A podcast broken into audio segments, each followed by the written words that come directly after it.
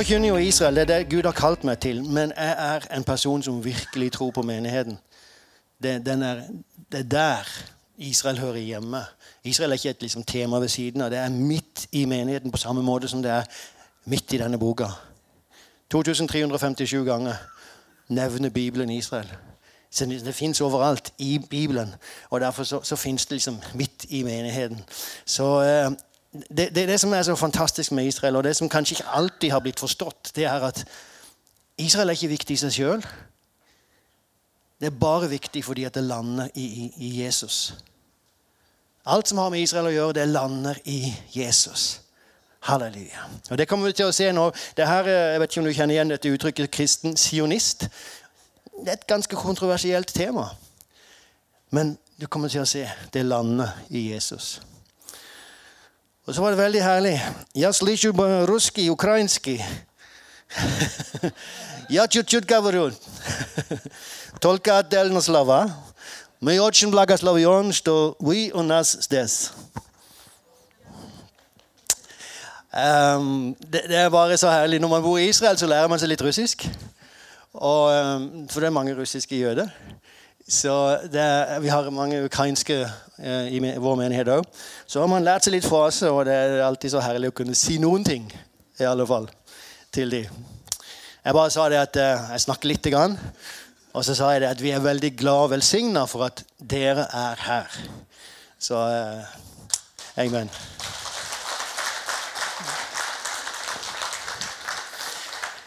Far, vi bare takker deg for eh, fellesskapet her, nærværet av din Hellige Ånd.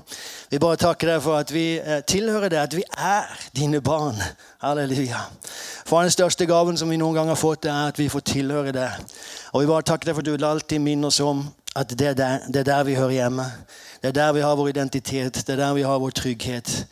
Det er der vi har vår framtid. Herre, vi priser deg for det. Nå ber vi om at du skal ta dette som jeg skal si, og la det bli åpenbaring, la det bli liv, Herre.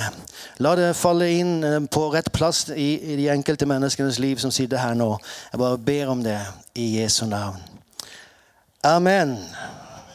Halleluja. Ok, så Jeg skal altså prate over dette temaet her. Hvem vil være en kristen sionist? Og Hvis jeg skulle spørre det spørsmålet til kristenheten i Norge, så ville jeg nok fått ganske mange forskjellige svar. Hvem vil i alle sine dager være en kristen sionist? For en, Iblant så har det ordet sionist fått veldig negativ, en veldig negativ klang. Og, òg kristen sionisme. Det, det, har blitt, ok, En kristen sionist er jo noe av det verste du kan tenke deg. Det er noe av det mest umoralske mennesket du kan se for deg. I visse tilfeller så fins det faktisk òg store problemer med med kristne sionister. Det fins de som går for langt. Så, men jeg kommer til å, å snakke om det her for, fordi at ordet i seg sjøl er så uh, udefinerbart. Eller det, det, er ikke udefinerbart. Det, men fordi det er så veldig kontroversielt, så må vi definere det. Og da må vi jo definere det ved hjelp av Bibelen. sant? Så det vi skal gjøre nå, det, det står Ordet sionisme står ikke i Bibelen, men ordet Sion står i Bibelen veldig mange ganger. 152 ganger, faktisk. Så Vi skal se på noen bibelvers og bare se til at vi legger en bibelsk fundament. For hva er dette her for noe egentlig? Hva er Sion? Og utleda ifra det, hva er sionisme? Så eh, Det første vi kikker på, det er jo så Skal vi se, så slå på den, så blir det bedre. Det er selve, selve, betydningen av ordet. Hva betyr Sion for noe? Så vi tar litt bare sånn grunnleggende fakta først. Og det, det vet vi ikke. så, eh, så det, det, er som det er. Vi, vi, vet faktisk ikke om det ordet er hebraisk engang. Det er et veldig gammelt ord, eh, så det er usikker betydning. Men forslagene går i denne retningen at det er en festning, eller at det er tørt land. Ok? Så der har du selve betydningen. Men hvis vi da snakker om rent geografisk, hva er det da vi snakker om når vi sier Sion? Og da er jo Bibelen eh, ikke, altså den er tydelig den, at Sion er Jerusalem. Første gang det nevnes, er i 2. Samuels bok 5, når David inntar Sions borg. står det i vår i gamle Bibelen. Sions festning.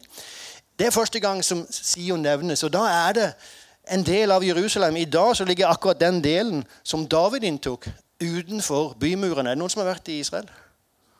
Ja, herlig. Så Det fins jo disse bymurene rundt Jerusalem.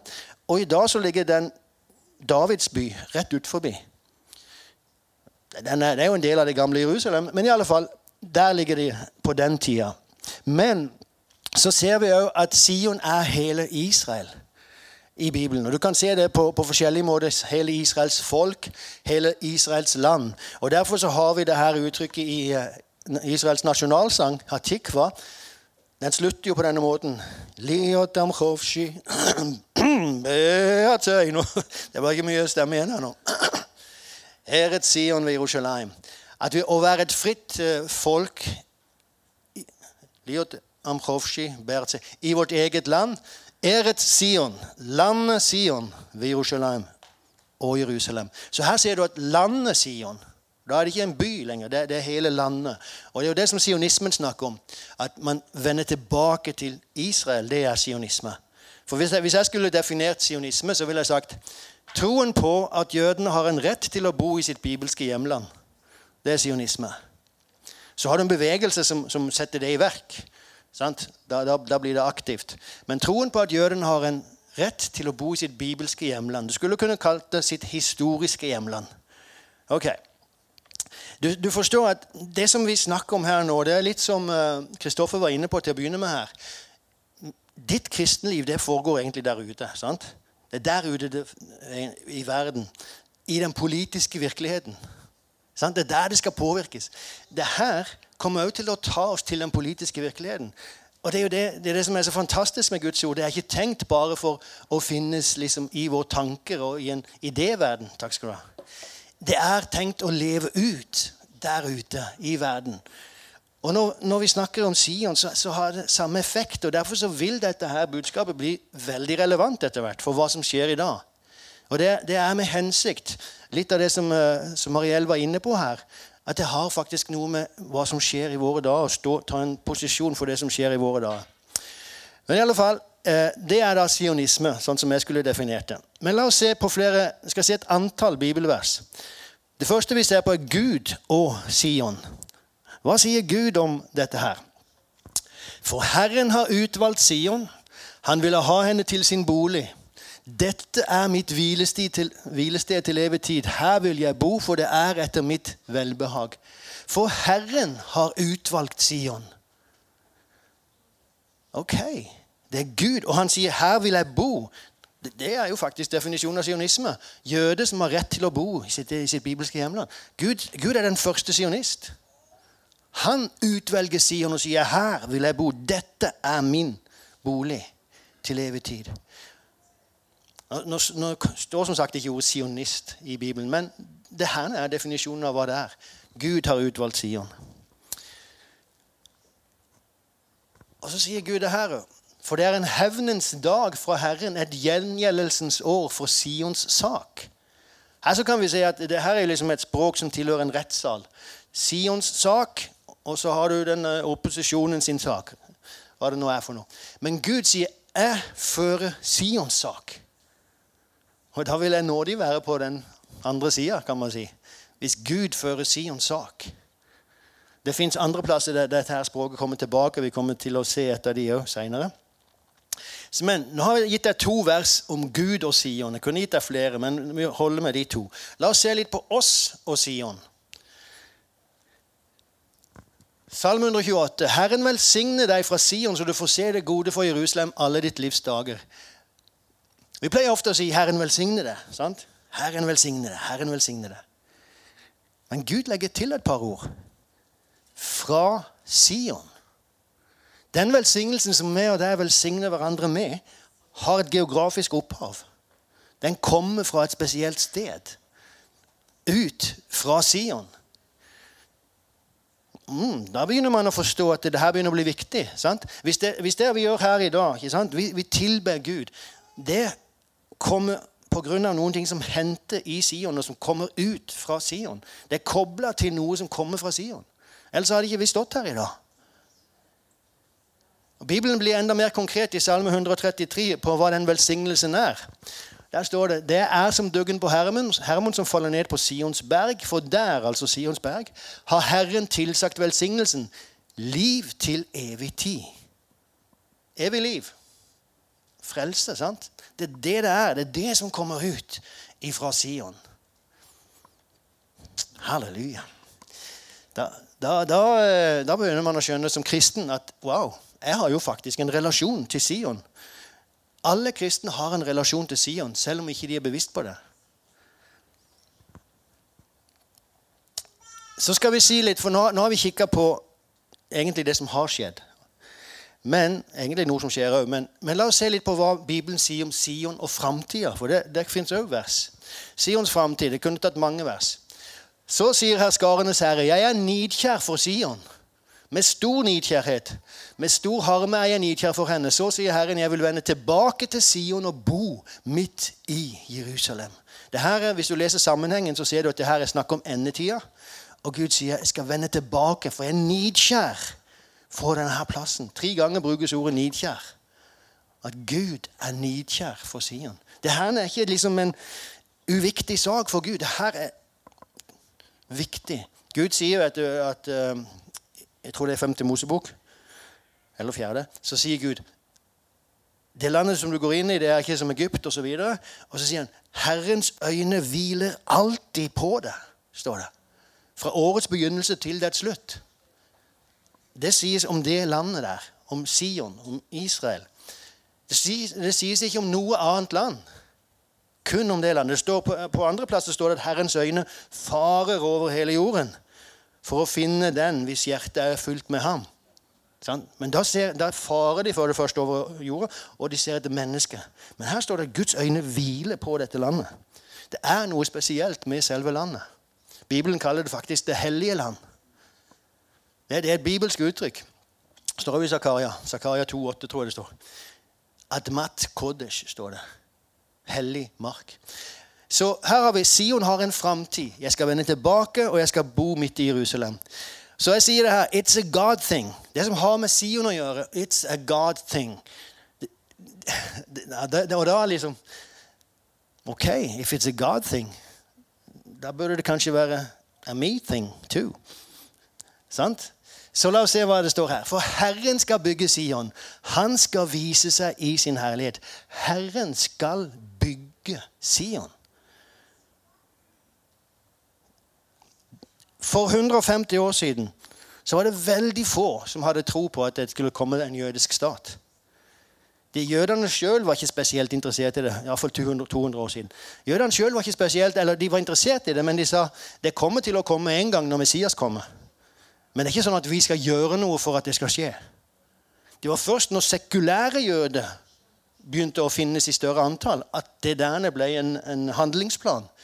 At det skulle finnes en jødisk stat. De religiøse jødene som hadde finnes gjennom alle århundrer, de hadde sagt nei, Messias får fikse det. Så de gjorde ingenting. Når de sekulære jødene kom opp, så begynner de å innse at hei, all denne antisemittismen tar ikke slutt, så vi er nødt til å skape oss en eget trygt hjem. Det, det, er sånn det begynner å skje. Men for 200 år siden så var det nesten ingen tanke selv blant jødene på det. Og blant de kristne så var det definitivt ingen tanke på det. For kirka hadde jo erstatta Israel. Vi har fått alle Israels løfter. Gud er ferdig med Israel. Det var kirkas teologi. Så for 200 år siden, hvis du sa det kommer til å finnes en jødisk stat om 200 år, så skulle de fleste bare ledd av det. Men det er Herren som bygger Sion. Det måtte til et mirakel. Men i løpet av disse 150-100 åra, siste 100 åra, så har denne staten kommet til. Den er 75 år, men det begynte jo litt før. Så det er Herren som bygger Sion. Jeg skal komme tilbake til det enda mer, men jeg bare gi deg to vers til på akkurat samme sak. Gi heller ikke ham ro før han gjenreiser Jerusalem, og gjør det til en lovprisning på jorden. Hvis du i dag skulle gå ut, ut forbi der og spørre Jerusalem, hva tenker du på når jeg sier Jerusalem? Lovprisning. Jeg tror ikke det skulle vært. Jeg tror det skulle vært konflikt, krig, uro. Sant? Det er det som verden tenker på. Men gi ham ingen fred før han bygger Jerusalem og gjør det til en lovprisning på jorden. Så det, det her er på gang. Og Hvordan er det vi skal ikke gi ham ro? Det står der på disse versene at vi skal stå på murene og vi skal minne ham. Hva skal vi minne ham om? Hans løfte til Israel. Dere som minner Herren på hans løfte, unn dere ingen ro før han gjenreiser Jerusalem og gjøre det til en lovsang på jorden. Og så et siste vers som handler om akkurat det, den saken der. og det, det her verset er bare så interessant, fordi at det kommer i en sammenheng der du har titalls vers før og titalls vers etter som handler om dom over nasjoner. Før så er det mest om Babylon og Syria. Nå husker jeg ikke om, så Det er filistre, og så er det Edom. Men du har dette her før og etter. Men det er forskjellige nasjoner som, som blir uttalt dom over. Og så kommer det her verset ut av ingenting midt i den sammenhengen. Hva skal folkeslagets budbærere få til svar? At Herren har grunnlagt Sion, og at de elendige blant hans folk skal finne sin tilflukt i den. Det her Ordet 'elendige' på hebraisk er ordet 'ani', 'aniim'. Og det kan bety òg 'de forfulgte'. Og Hvis du da tar eh, og ser på hva som skjedde når staten Israel ble oppretta, så er det eksakt det som skjedde. De, til, de forfulgte fant sin tilflukt. Men her ser vi at det kommer budbærere til Jerusalem. For Jesaja han er fra Jerusalem. Han sitter i Jerusalem. Og så sier, Hva skal folkeslagets budbærere få til svar? Disse budbærerne har et spørsmål. Vi vet ikke hva spørsmålet er, men vi vet hva svaret er. Og svaret er det er Gud som har grunnlagt Sion. Så det er budskapet til folke, folkeslaget. Det er Gud som har grunnlagt Sion. Det er en del av den kampen som vi står i i dag. Og som du og meg som kristne definitivt må være bevisst på. At det som skjer der nede, det skjer ikke bare rent tilfeldig. Gud er faktisk engasjert i det. Det er Gud som bygger sin. Jeg sier ikke at det betyr at alt som skjer, er etter Guds vilje. Definitivt ikke. Det er ikke det jeg sier. Jeg sier ikke at Israel er feilfri. Definitivt ikke. Var de feilfrie her? I Gammeltestamentet? Definitivt ikke. Men de var fremdeles Guds folk, forbundsfolket, paktsfolket. Og sånn er det i dag òg. Så må jeg si at de gjør veldig mye rett. Til tross for det som sies i våre medier, så gjør de utrolig mye rett. Og mye mer. Hvis man sammenligner det med alle andre nasjoner på verden, så er Israel blant de beste i klassen. De er den beste i klassen, faktisk. Men vi, skal komme litt tilbake til det etter hvert. Men it's a God thing. Ok, Hvorfor er dette viktig, da? Alle disse tingene som vi har løfta fram nå. Gud og Sion, oss og Sion og Sions framtid. Det er viktig å forstå at det fins en dypere virkelighet blant det vi ser. Enn en det vi ser. Sant? Det fins en åndelig virkelighet. Vi pleier å kalle det en åndelig virkelighet. Det fins noen ting som er kobla, som har med frelse å gjøre. Frelsen utgår fra Sion. Og Derfor så, så er det en dypere virkelighet. Det vil alltid være opposisjon mot det Gud gjør. Sant? Det ser vi jo bare når vi bygger menighet. Det fins en veldig opposisjon iblant. Når man, og når man vil stå for de rette verdiene i samfunnet, når man vil stå for retten til liv osv. Det fins en voldsom opposisjon. Alt Gud gjør, alt det som er viktig, retten til liv, kan du tenke deg noe viktigere enn det? Det er det en enorm kamp på. Alt det Gud gjør, vil det bli kamp imot. Og så er det så viktig at vi som kristne ikke motarbeider Gud. Fordi det er som så at det sies veldig ofte lite fra talerstolen i menighetene om Israel. Men det sies veldig mye der ute. Og så Balansen blir så usunn. Og det er lett for en kristen, det er lett for meg til og med, som er så mye inni det her. Jeg, jeg, jeg hører på, på israelske nyheter hele tida hebraiske nyheter og disse tingene her. Men, så, så det, er ikke, det, er ikke, så lett for meg. Men hvis man ikke bevisst søker informasjon som er mer balansert, så er det lett å bli påvirka. Og det er så viktig at vi ikke havner der at vi motarbeider Gud på det her. Hvis det er Gud som bygger Sion, da kan jo ikke Guds barn stå og kritisere det.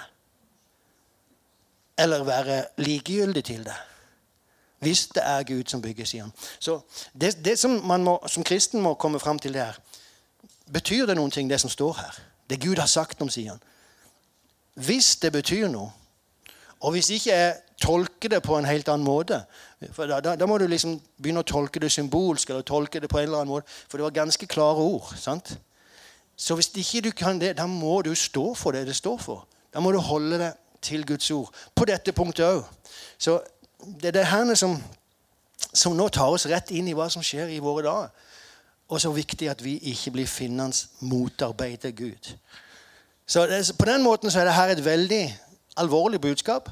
Men jeg tror jo det at vi er bibeltroende kristne. Vi vil stå for. Vi vil vite Guds vilje. Jeg tror De fleste kristne er ikke likegyldige og kritiske fordi de har valgt det bevisst. De har blitt påvirka. Og så har de fått for lite undervisning om selve temaet ut ifra Bibelen. Nå skal, jeg, nå skal, jeg, komme litt inn på hvor kontroversielt dette her ordet sionisme er. Og skal vise deg at Sionisme har i dag blitt et skjellsord. Og du ser her, det her er jo fra demonstrasjoner som skjer nå i høst pga. det som skjer i Israel og i Gaza. Verdensvide demonstrasjoner. Israel har ingen rett til å eksistere. Og her har du da 'Keep the world clean'. Og så er sionismen, Israel, er på vei ned i søppeldunken. Sionisme har ingen plass iblant oss. Det er jo budskapet. Denne staten Israel må bort. Det sies iblant mye mer tydelig enn det her, men jeg syns det her er veldig, veldig talende. Har du hørt om Urban Dictionary? Hvis ikke du har hørt, så ikke Don't, don't blame yourself. Uh, altså, det, det, det, er en online dictionary som uh, brukes for Den er ikke liksom vitenskapelig eller bokstavelig. Definisjonene du finner der, er ikke liksom vitenskapelige, men de uttrykker hva folk tenker i vestverden når de hører et visst ord. F.eks. når de hører sionisme. Hva tenker man, spesielt i storbyene i Europa og USA, i London, i Paris, i Roma, i Madrid, i New York Hva tenker folk når de hører ordet sionisme? Og så har man samla det her i Urban Dictionary, som er en online, levende dictionary som, som forandres. Ikke daglig, men det forandres liksom, fordi det skifter seg litt grann, hvordan man tenker om saker. Skal du se hva definisjonen er på sionisme? A race supremacist colonialist extremist. That's who you are, guys. hvis, hvis, du regner deg som en som støtter Israel, da, da, kan du si at du er en sionist. Og da er det hvem du er. I øynene på veldig mange i vestverden. Det har faktisk i dag blitt umoralsk å si at jeg står med Israel. Så vridd har, har det hele blitt. Som Mariell Marielle var inne på, det populære det er å stå for Hamas. Spesielt blant de mer yngre. Um, så Nå skal jeg gå tilbake igjen til Bibelen, og så skal vi se litt på et par saker der. Hvor, hvor viktig det er at vi havner rett i dette her. Bibelen snakker om Israel som Guds vitne. Jesaja 43. og Du bør egentlig lese hele sammenhengen der, for det nevnes flere ganger på forskjellig måte. Men der sier Gud, 'Dere er mine vitner', sier Herren han snakker til Israel. Vitner om hva da? At det er jeg som er Gud. Igjen så snakker vi altså om en form for en rettssak. Det, det, er jo det, det liksom, Vitner bringes inn i en rettssak. Og når Gud skal føre fram sine vitner for å bevise at han fins, så fører han fram Israel. Dere er mine vitner at jeg fins, at det er jeg som er Gud. På hvilken måte er Israel et vitne om det? Du har sikkert hørt denne historien om uh, den uh, rådgiveren. Nå, nå, den storyen går litt for, i forskjellige versjoner. Men det var en rådgiver til en konge under, i Europa under middelalderen. Og kongen spurte denne rådgiveren hva er beviset på at Gud fins. Svaret var jødene, Deres Majestet. Jødenes fortsatte eksistens som et folk. Det her var på 1600-1700-tallet en gang. Eh, Sein middelalder. Men i alle fall eh, Av at de fremdeles fins. Det, det, er liksom unikt i folks historie at de har vært uten land, så veldig forfulgt, og allikevel, allikevel fins. Uansett, dere er mine vitner. Det er på mange måter som de er det.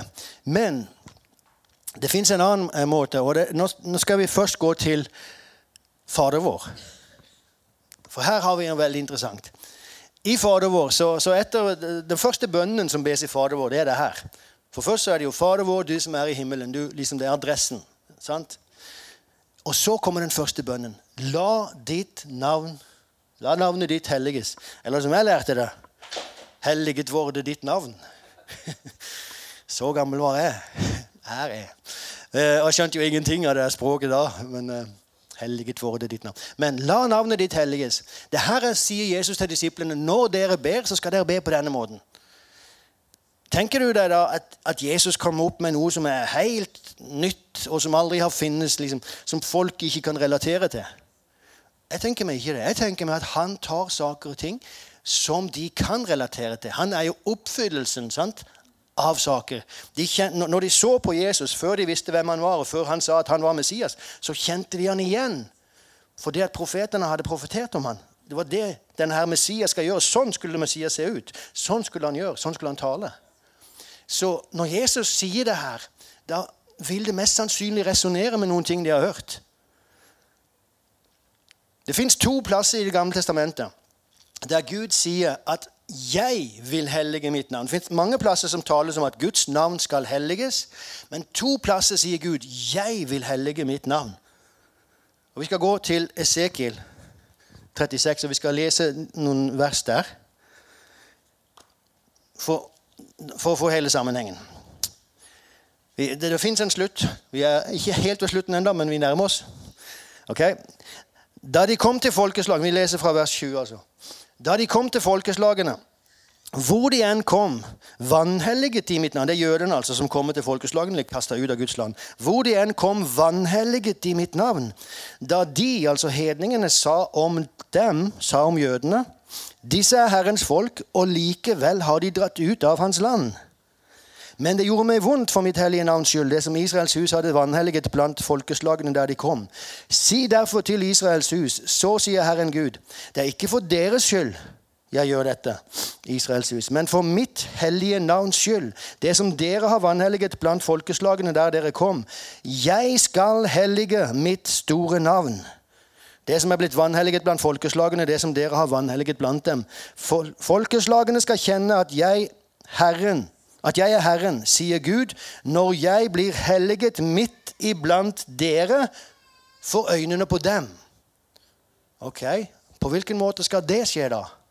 Neste vers. For jeg skal ta dere fra folkeslagene og samle dere fra alle landene, og jeg skal føre dere inn i deres eget land. Wow.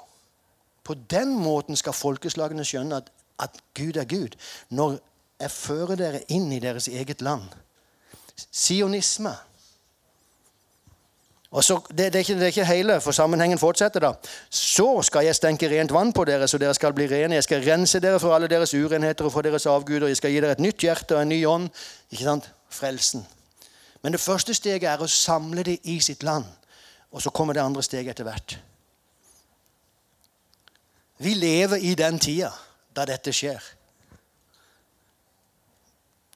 Derfor, konklusjon sionisme helliger Guds navn. Da begynner man å forstå hvorfor det har blitt fullstendig pervertert, det her ordet. Erase supremacist, extremist, colonialist. Sant? Sionisme helliger Guds navn. Når det skjer, da skal alle se, forstå at det Sionisme er også et uttrykk for Guds kjærlighet til hele menneskeheten. På hvilken måte da? Jo, for fra Sion flyter frelsen. Fra Sion flyter velsignelsen. Og saken er den Når frelsen skal fullføres Det høres nesten hyklersk ut å si det, for Jesus hang på korset og sa det er fullbrakt. sant? Men, men, vi er fremdeles ikke i himmelen. sant? Det er fremdeles visse ting som gjenstår før alt en ny himmel og en ny jord. Og det som er kobla til fullførelsen av frelsen, det henger også sammen med jødene. Og det henger sammen med dette landet. Det er derfor Jesus kommer tilbake til Israel. Og Jesus sa nå, rett før han dro, fra nå av skal ikke dere se meg før dere sier Baruch Ababeshem Adonai, velsignet er Han som kommer i Herrens navn. Så da må det jødiske folket befinnes i sitt land og ta imot sin Messias. Så Derfor så ser vi at sionisme leder til oppfyllelsen av alle ting at frelsen fullføres, at hele verket blir satt ferdig. Halleluja! altså, jeg tror Når du har bedt Fader vår og sett 'Helliget våre ditt navn', jeg er ikke sikker på at du har tenkt på dette. At du faktisk ber om at jødene må vende tilbake til sitt land. Det er en del av det. Jeg tror det er flere måter som Guds navn blir helliga på. Guds navn blir helliga når du og vi gjør det vi skal gjøre. Når vi lever som gode kristne. Sant? Når vi eh, vinner mennesker for Gud, når vi ber for syke og de blir friske osv. Det er òg en måte å hellige Guds navn på. Men det her er også. Og eh, da, da, vil jeg bare veldig kort ta oss til det, det, som skjer nå. For om du er med meg so, so far, liksom, da betyr det at vi må forholde oss til det som skjer der nede akkurat nå. Så jeg vil bare si noen få ord om Charavot Barcel. Det er det som det heter på hebraisk. Uh, shield, uh, swords of Iron. Denne krigen. Konflikten i dag. Og Det som er viktig for oss å forstå det her er jo egentlig saker man skal si på seminarer, ikke på et søndag formiddagsmøte, men, men fordi jeg tror det, det, er viktig for oss at vi havner rett her, så vil jeg bare ta en liten sak. Det vi må forstå, er at det er to verdenssyn som kolliderer akkurat nå. Det ene er det jødekristne synet, som vi kan finne da i Salme 34 f.eks. Hvem er den mann som har sin lyst i liv og elsker dager da han kan se det gode? Hold din tunge borte fra ondt og dine lepper for å tale svik. Vik fra det som er ondt, og gjør godt. Søk fred og jag etter den. Dette er den arven som du og vi har fått arv, arva fra det jødiske. Derfor kalles det den jødekristne tradisjonen. Vi søker liv, vi ønsker fred, vi holder vår tunge fra å tale svik. Sant? Der, vi vil bare Vi vil godt. Jødekristens syn. La oss se på Hamas og hvilket verdenssyn som de representerer, ifølge deres egne ord. Ja, just det, Før vi går dit. I jødedommen så fins det her uttrykket 'pikuach nefesh'. Og det sier egentlig at du vet, I jødedommen fins det veldig masse bud bud og regler. sant? Men det fins ett bud som står over alle. Pikuach nefesh. Og det vil si at om du må bryte alle disse her andre budene for å utføre det, så er det ok. Og hva er det? Redde liv. Redde liv står over alle andre bud. Der ser du hvilket verdenssyn som dominerer uh, den jødekristne verdenssynet. Hamas-leder Ismail Haniya, Vi er et folk som elsker døden for Allahs sak like mye som vår fiende elsker liv. Det her sier de på veldig mange forskjellige måter, men det er en kultur som løfter fram døden. Av død. Og Det ser man på måten de opererer på. Og de gjør narr av jødene sin livslyst. Jødene elsker liv. Og de sier det rett ut. Det gjør de svake, fordi de, de, forsøker alltid å bevare livet. Vi er ikke redde for døden, så vi kommer til å vinne. Det, det er liksom deres måte å resonnere på. Men det jeg vil fram til her, det er at det fins to helt forskjellige verdenssyn. Og det gjør mye i forhold til hvordan du bør forholde deg til rapporter som kommer fra Gaza. Skal man tro de, skal man ikke tro de? Stemmer det med verdenssynene? Det fins visse saker Israel aldri skulle gjøre, fordi de har den kulturen de har. De har en kultur som, som verdsetter liv. Så fins det feil som begås. Og det, det, er en annen sak. Det kan begås feil. Israel begår feil. Men i utgangspunktet så har de en, en, filosofi som vil beskytte liv. Og Det er derfor som de har bedt befolkningen, sivilbefolkningen om å ta seg ut av krigssonen. La oss se på dette bildet. her. Du har sikkert sett det.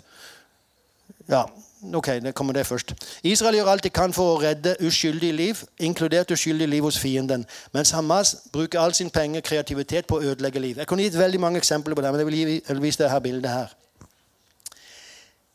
Her ser du så tydelig de to forskjellige livssynene. Den israelske soldaten står foran sivilbefolkningen og forsøker å beskytte sivilbefolkningen. Hamas-terroristen gjemmer seg bak sivilbefolkningen. Tenk deg dilemmaet som denne IDF-soldaten befinner seg i. Han kan velge å ikke skyte, sant? fordi han, han risikerer jo å treffe babyen. Hvis han velger å ikke skyte, hva skjer da? Han blir sjøl skutt, og babyen blir skutt. Han har ikke forsvart sin sivilbefolkning. Vi så den 7. oktober at babyer er ikke hellig for Hamas. Selv baby blir myrda på de mest brutale måter. Så hvis han ikke skyter, så har han ikke utført sin plikt men hvis han skyter, så risikerer han å treffe babyen. og Derfor gjør han alt det han kan for å få den der babyen, Hamas-babyen ut av bildet, ut av sona. Det er det Israel har holdt på med liksom, i månedsvis. Og I hvert slag så forsøker de å få sivilbefolkningen bort. sånn at Hamas-terroristen blir det eneste målet. Men han forsøker hele tida å holde babyen på plass. Han nekter sivilbefolkningen å flykte fra krigssona. De skjøt, de har skutt sine egne som forsøker å flykte fra krigssona. Det fins bilder på hvordan Hamas skyter på dem, altså dreper dem. Så du kan se at det er to helt forskjellige verdenssyn. Og, og dette må vi ha i bakhodet når vi hører det som skjer. For det er så lett å bedømme de tingene der feil, og dermed havne og kritisere noe som faktisk Gud er engasjert i. Altså bygge Sion. Så eh, da så skal vi komme til avslutningen her. Kristen sionisme fordi Gud ber oss om det. Okay? Gud ber oss om å stå sammen med Israel. Her så står det 'Stå på murene for Jerusalem', dere som minner Herren. Eh, det er Jesaja 62. Gi ham ingen ro før han bygger Jerusalem. Og Salme 122 vers 6 sier Be om fred for Jerusalem. La det gå dem vel som elsker deg. Sant? Så Gud ber oss om å være kristne sionister. Secondly, det er moralsk. Det er moralsk å stå for Israel. Israel står for det som beskytter liv. En kultur av liv. Som sagt så hender det at de gjør feil. Jeg pleier å si det på denne måten. Israel gjør feil, men har rett. Det hender at Israel gjør feil, men i sak så har de rett. Så det er moralsk, faktisk, på tross av alt verden sier. Herren er rettferdig på alle sine veier, barmhjertig i alle sine gjerninger. Hvis det er Gud som bygger Sion, da er ikke det umoralsk. Da er det noe han vil skal skje. Det er noe han, han står bak. Og så, som sagt, så kan du ikke gå inn i hvert individuelt tilfelle, for uskyldige dør i Gaza. Det, det skjer. Men hvem har skyld i det? Det fins en adresse for all lidelse i Gaza. Det er Hamas. For det skulle ikke vært noen lidelse i Gaza i dag hvis det ikke 7. oktober hadde skjedd. Så det, det er veldig liksom, enkelt i utgangspunktet hvis du ser på det sånn. Så kristen sionisme Jeg ser meg sjøl som en kristen sionist. Det betyr at jeg er 100% sionist. Vil si, jeg står 100% på hva Gud sier om retten til landet. Når Gud fører dem tilbake, så sier han 'Jeg vil føre dere tilbake til deres eget land'.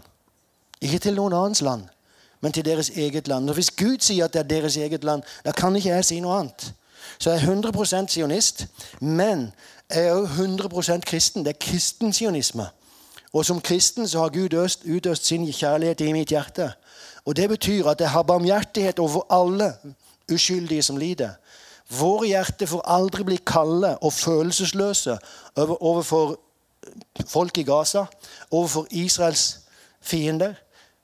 Vi har fått Guds, Guds kjærlighet utøst. Så derfor se til at vi er kristne sionister.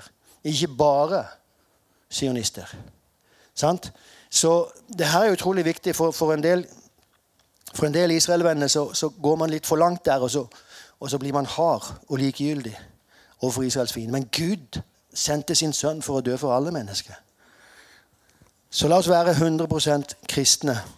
Ok, um, hvordan skal vi da kunne gjøre alt dette her? Hvordan kan vi stå opp for Israel i dag? Skaff deg litt grunnleggende kunnskap. Du behøver ikke veldig mye, du behøver definitivt ikke bli en ekspert, men litt grunnleggende kunnskap. For der ute så har folk veldig sterke meninger, men veldig lite kunnskap. Så hvis du skaffer deg litt grunnleggende kunnskap, så kan du komme veldig langt. Skaff deg det. Tal sannhet. Søk sannhet. Det er ikke alltid at sannheten viser at Israel, Iblant sier sannheten at Israel her har faktisk gjort feil. Men det er likevel sannhet. Og totalt sett så taler sannheten til Israels fordel. For som jeg sier, de har en kultur av liv. Når de gjør feil, da er det en feil. Hamas er programmert til å gjøre feil. Det er de sin kultur. Så sannheten taler alltid til Israel. Se, forsøk å få hele bildet. Forsøk ikke å gjemme når Israel har gjort feil. Det hender. Men sannhet er viktig. Og når du har gjort det, si noe godt om Israel. Det, det er uh, min måte å si 'velsigne Israel' på. Vi, vi, pleier å si 'velsigne Israel', men hva er det for noe? Det er egentlig å si noe godt om Israel. Og der ute sies det veldig mye negativt. Så hvis du kan komme og bare si noe godt ja, men Har du tenkt på at det er sånn og sånn? Har du tenkt på liksom Bare gi noen enkle, grunnleggende fakta som kan få folk til å tenke litt sjøl. Jeg tror ikke du kommer til å overbevise en person i en samtale. Ja, jeg kan ikke huske å ha overbevist en, en, en person i en samtale. Det tar litt tid. Men du må så litt drypp inn, så kan du få det til å tenke litt sjøl. Så um, til slutt nå, nå, har vi den her. Keep calm and support Israel. Den der den går tilbake til uh, andre verdenskrig. Det heter Keep calm and carry on. Det var slogan som de hadde i, uh, i Storbritannia. Keep calm and carry on. Så har vi bare forandra litt på det. Keep calm and support Israel.